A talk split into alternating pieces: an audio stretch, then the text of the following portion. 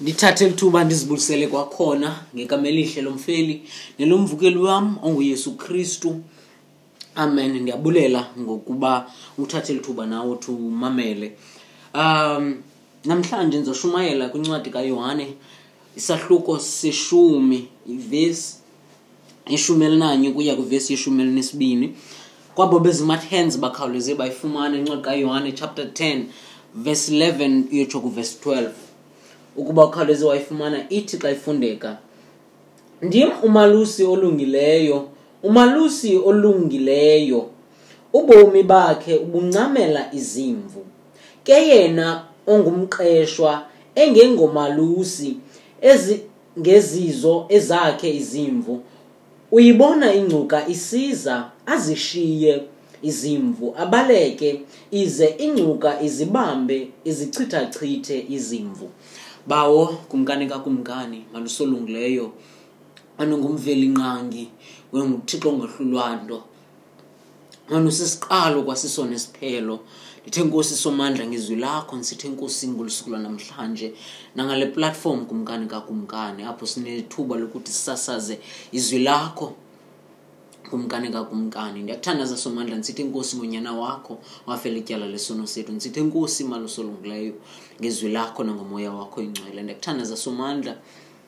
uthi umncede sonini nanini unciphise ngeli thuba ukuze kwande wena kumkani kakumkani umncede emalusolungileyo ungabi siso isithintelo sokusebenza kwakho ngeli thuba malusolungileyo ndikucela kumkani kakumkani ukuthi umkhumbuze ndihlale ndiyinto engento kumkani kakumkani kodwa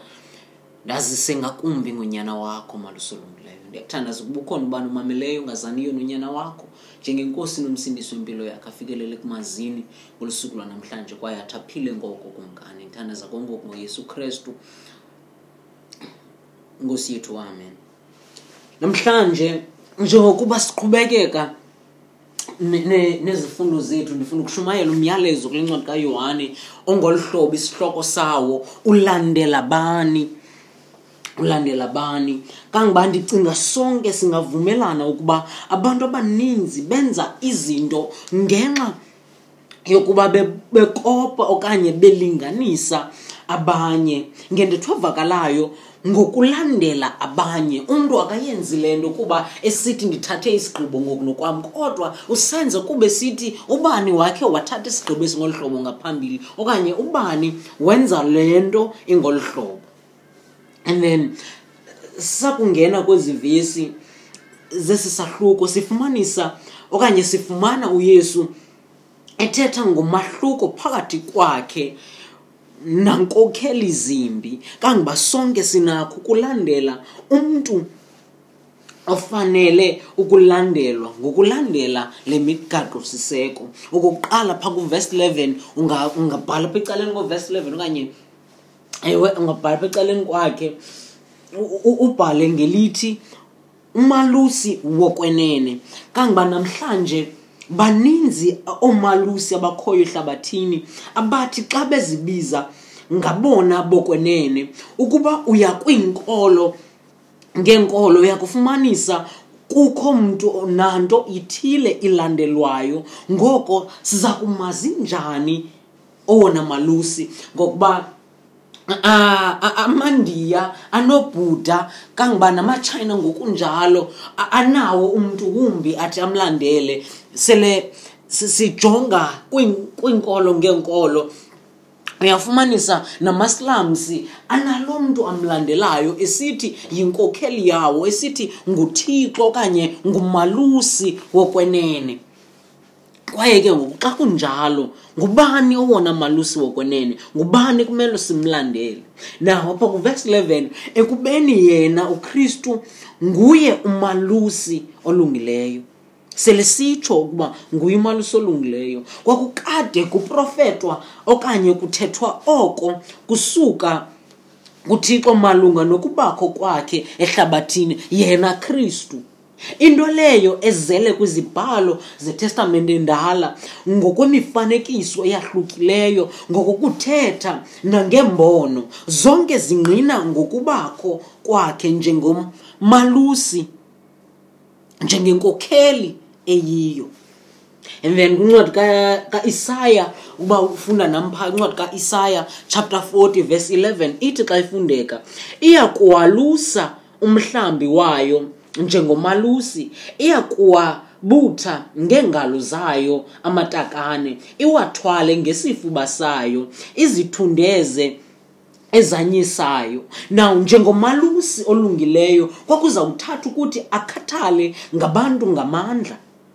kwaye uIsaya ekumemezeni kwakhe uIsaya umemeza kumasirayeli sele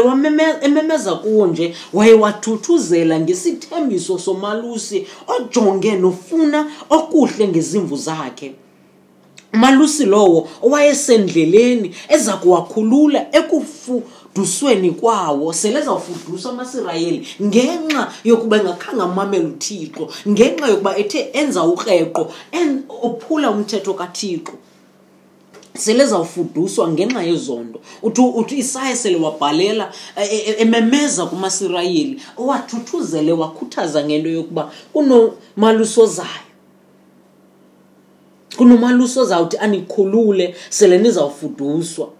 kangoba nawe namhlanje angakusindisa akukhulule ungafudukele esiwogweni wakufa ngenxa yokuthi uphule umthetho kathixo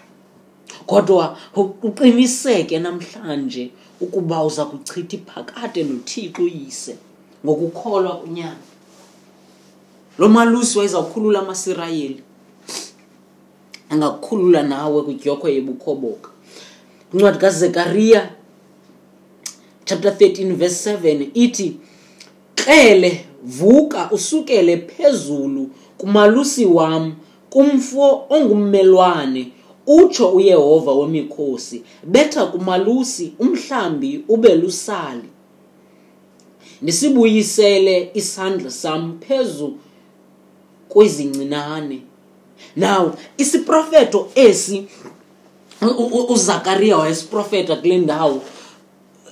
esaqala uzaliseka egadini yasegetsemane apho kwathi akufika uyudas kariyoti owamncatshayo uyesu kristu sele ezomthatha ehamba negqiza lakhe baze abafundi baqala ukuchithakala ngeli thuba selo isikariyothi esiza ezothatha uyesu kristu ehamba eh, eh, nabantu namajoni namasoldati esithi azokuthatha uyesu kristu sele siza enomsindo enjalo aqala ukuchithakala abafundi kangoba nasekubethelelweni kwakhe ekubeni wayenenani elininzi waphele nabambalwa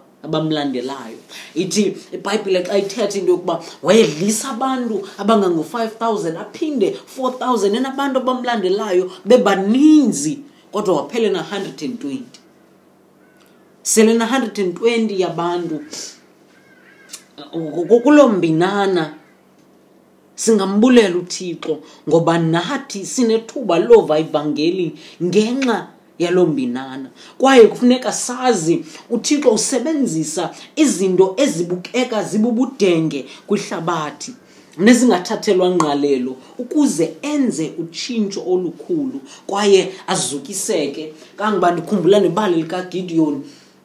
ugidiyoni sele e, e, e, ezawuthi ibe nguye umgwebi wakwasirayeli ibe nguye ozawuthi athethelele kwaye akhusele amasirayeli uthi sele kunjalo afumane amadoda amaninzi amlandelayo ukuze bayokhulula usirayeli but uthixo uye athi kuye aba bantu baninzi andifuni ukuthi ndisebenze ngabo ngoba bazobuya bathi sithi abasindise usirayeli sithi abakhulule usirayeli abantu awathi uthixo wakhetha into yokuba basebenzise out of la mawaka ayekhona wasebenzisa abantu abayi-300 azokwazi abo bantu ibe ngabo bazawuxhomekeka kuthixo bathi asinakho ukuzenzela ngokunokwethu kangoba ndifuna sazi ngelithi uthixo unakho ukundisebenzisa nam ukuba ndizawuthi ndithobele ndifunde uxhomekeka kuye unakho ukundisebenzisa and then incwadi kamarko chapter 10 verse 28 ithi uthe uyesu kuye yini na ukuba uthi ngilungile akukho ulungileyo mnye kwaphela nguthixo now uyesu ekudibaneni kwakhe nendodana isisityebi ithi imbize ngokuba ngumfundisi olungileyo andule ayibuze ukuba imbiza njani ngale ndlela ayivezele enye yenyaniso ezizele ibhayibhile yonke ngesimo sethu akukho nto ilungileyo ngathi asilunganga ngokuba ngokubona kukathixo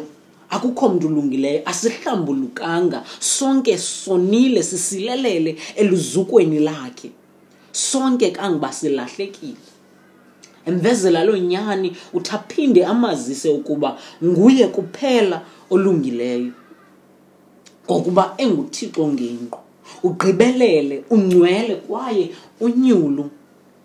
uyesu kristu enguthixo nje nencwadi kapetros yokuqala chapter 2 verse 25 ithi xa ifundeka kuba beninjengezimvu zilahlekile koko nisuke ngoku nabuyela kuye umalusi nomveleli wemiphefumlo yenu koko kulahleka nokuphambuka kwethu endleleni nasekulandeleni umalusi nguye othe waphinda walanda ekhondweni lethu kukangoba kunengoma kunomhlabelelo endimthandayo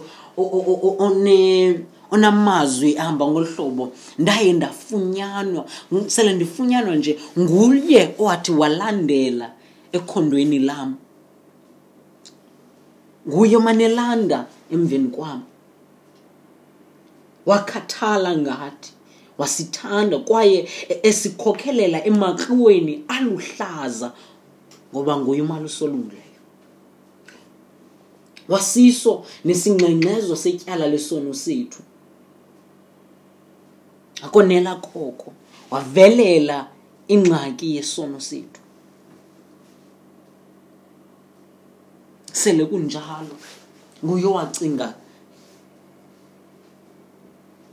kakuhle ngeempilo zethu nguye owacinga ngaphezu kokuba sinakho ukucinga ngeempilo zethu wasukela ngentla wazezantsi emhlabeni wazithoba kangoba wazithoba de wawufika emnqamlezweni wabethelelwa ngenxa yetyala lesono sethu kwalapha kuvesi 11 selecacisa ngakumbi nanjengamalusi olungileyo lowo athi unguye ngezenzo ezinqabileyo kubantu abaninzi abazibiza ngabelusi nanamhlanje endaweni yokuba benzele izimvu zabo into balindele zona zibenzele yena ukristu nanjengamalusi olungileyo uthi azincame azinikele into eyenziwa ngudavide ngexesha wayengumalusi waqubisana nebhere nayo nengonyama kuba esithi ukhusela okanye usindisa izimvu engozini leyo yayiphambi kwazo wabeka ubakho ubomi esichengeni naye uyesu ngokunjalo e- e- eza kuncama obakhe ubomi anikele ngabo asindise uluntu izimvu ngokwalo mfanekiso sifumana apha alusindise kwingozi ekhona phambi kwethu ingozi leyo esisono kwakunye nenqumbo kathixo ngokuthi abe lidini lethu lesono benguye ozawuthatha indawo yethu umateyu kwincwadi kamateyu chapter 20 verse 28 xa erekhoda kwakunjengokuba unyana womntu engazange engazanga kulungiselelwa weza kulungiselela nokuncama ubomi bakhe bube yintlawulelo yokukhulula abaninzi waza kusikhulula sikhonkxiwe yidyokhwe yosono siyakhululwa ngaye ngokuthatha kwakhe indawo yethu xabiso singenakho ukuzibhatalela ngokunokwethu wathi ndizalibhatala sele sinyubhanyubheka esonweni zonweni zethu wathi ndizawuthatha indawo yabo ewe ndiyayiqonda bafanelwe lidike lo mlilo ndiyayiqonda bafanelwe inqumbo yakho yehova kodwa ndizawuthi ndingenelele ndithathe indawo yabo wathi ndizawukwenza loo nto ncwadi yamahebhere chapter 9 verse 11 uya ku-14 ithi ke yena ukristu efike wangumbingeleli omkhulu wazo izinto ezilungileyo eziza kubakho uthe ngowona mkhulu ugqibeleleyo umnquba ongenakwenziwa ngazandla oko kukuthi ongengowale ndawo wangena kwaba kanye kweyona ngcwele kungengalo negazi lebhokhwe nelamathole kungegazi elilelakhe wafumana inkululo engunaphakade ngokusihlawulela kuba ukuba igazi leenkomo nelebhokhwe lugcwalisela ekuhlambululeni inyama lubekaphi na ukugqithisela lona igazi likaKristu owazisondeza ngomoya ongunaphakade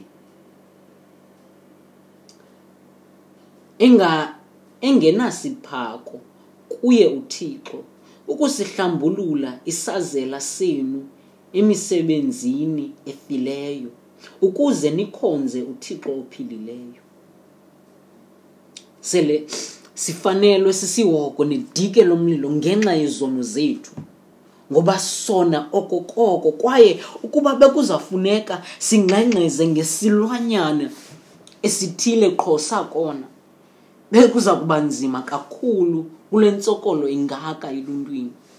kwaye sele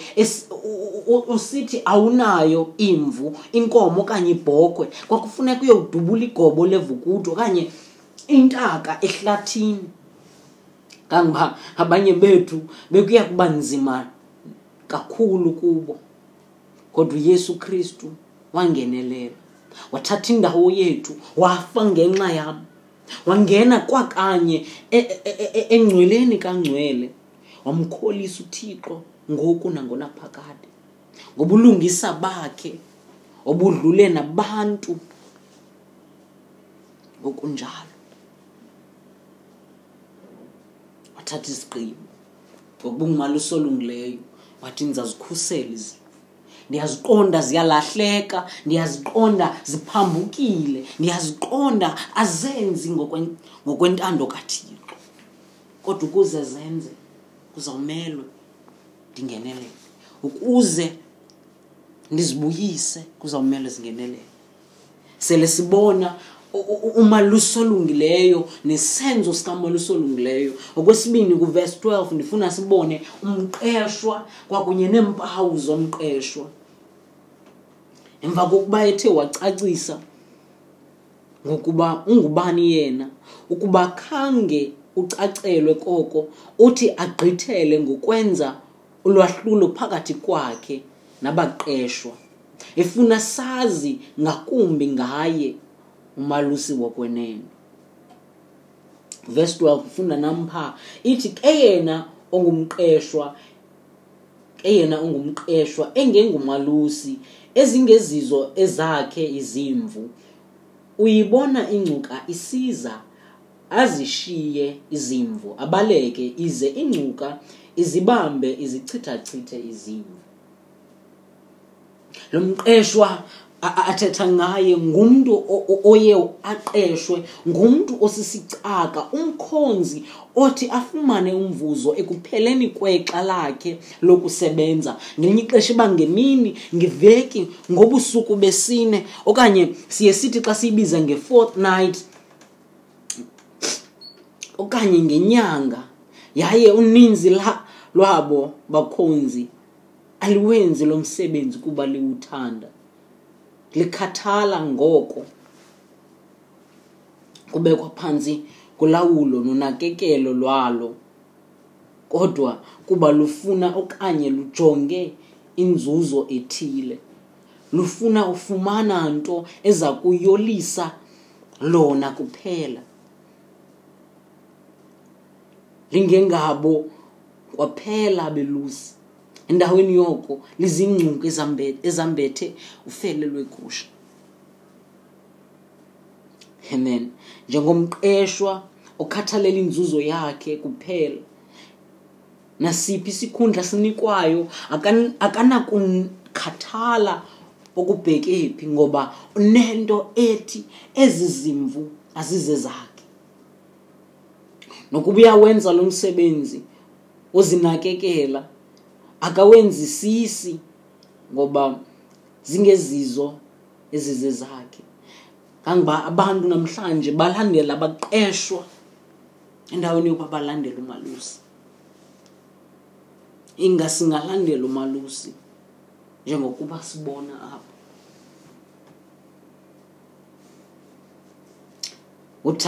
uthakulubona utshaba lusiza umqeshwa lo esazi sele lukho ngelinye ixesha endaweni yokuba enze njengomalusi ebengenza ngako nguye oye abaleke kuqala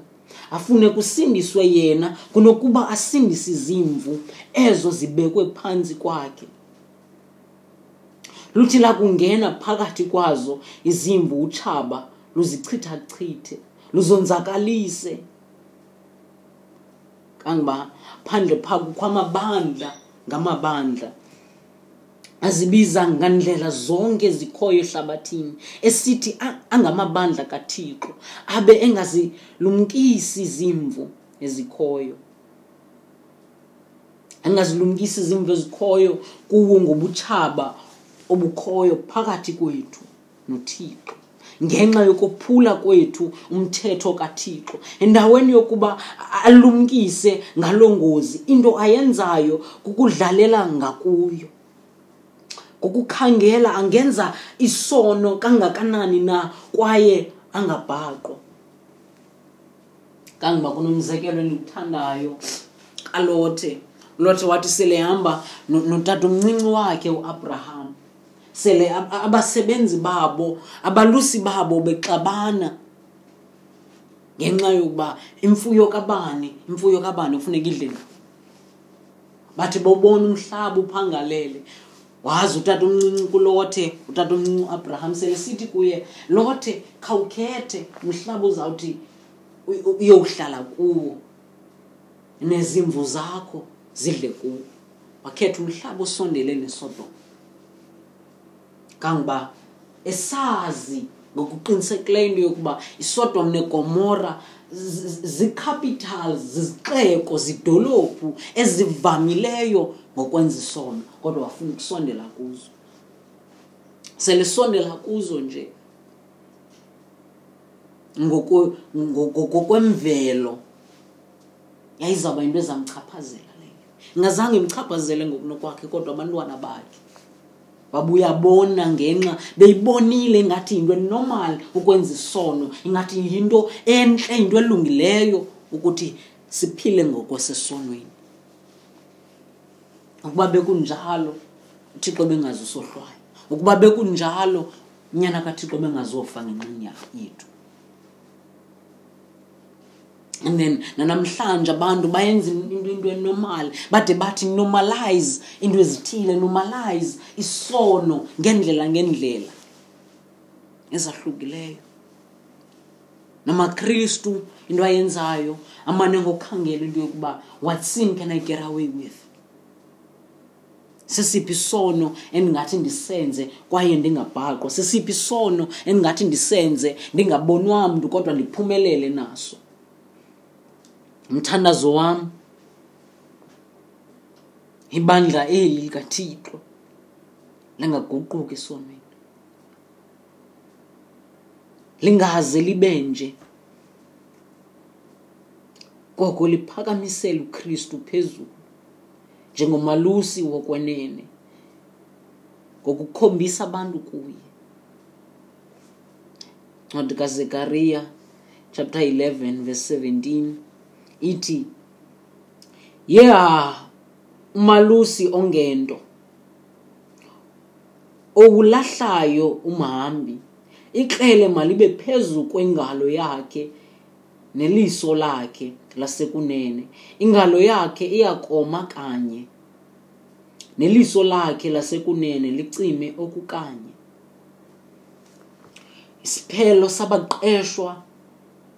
abalusi bengengabo abantu abangakhathaliyo ngabantu sibuhlungu kakhulu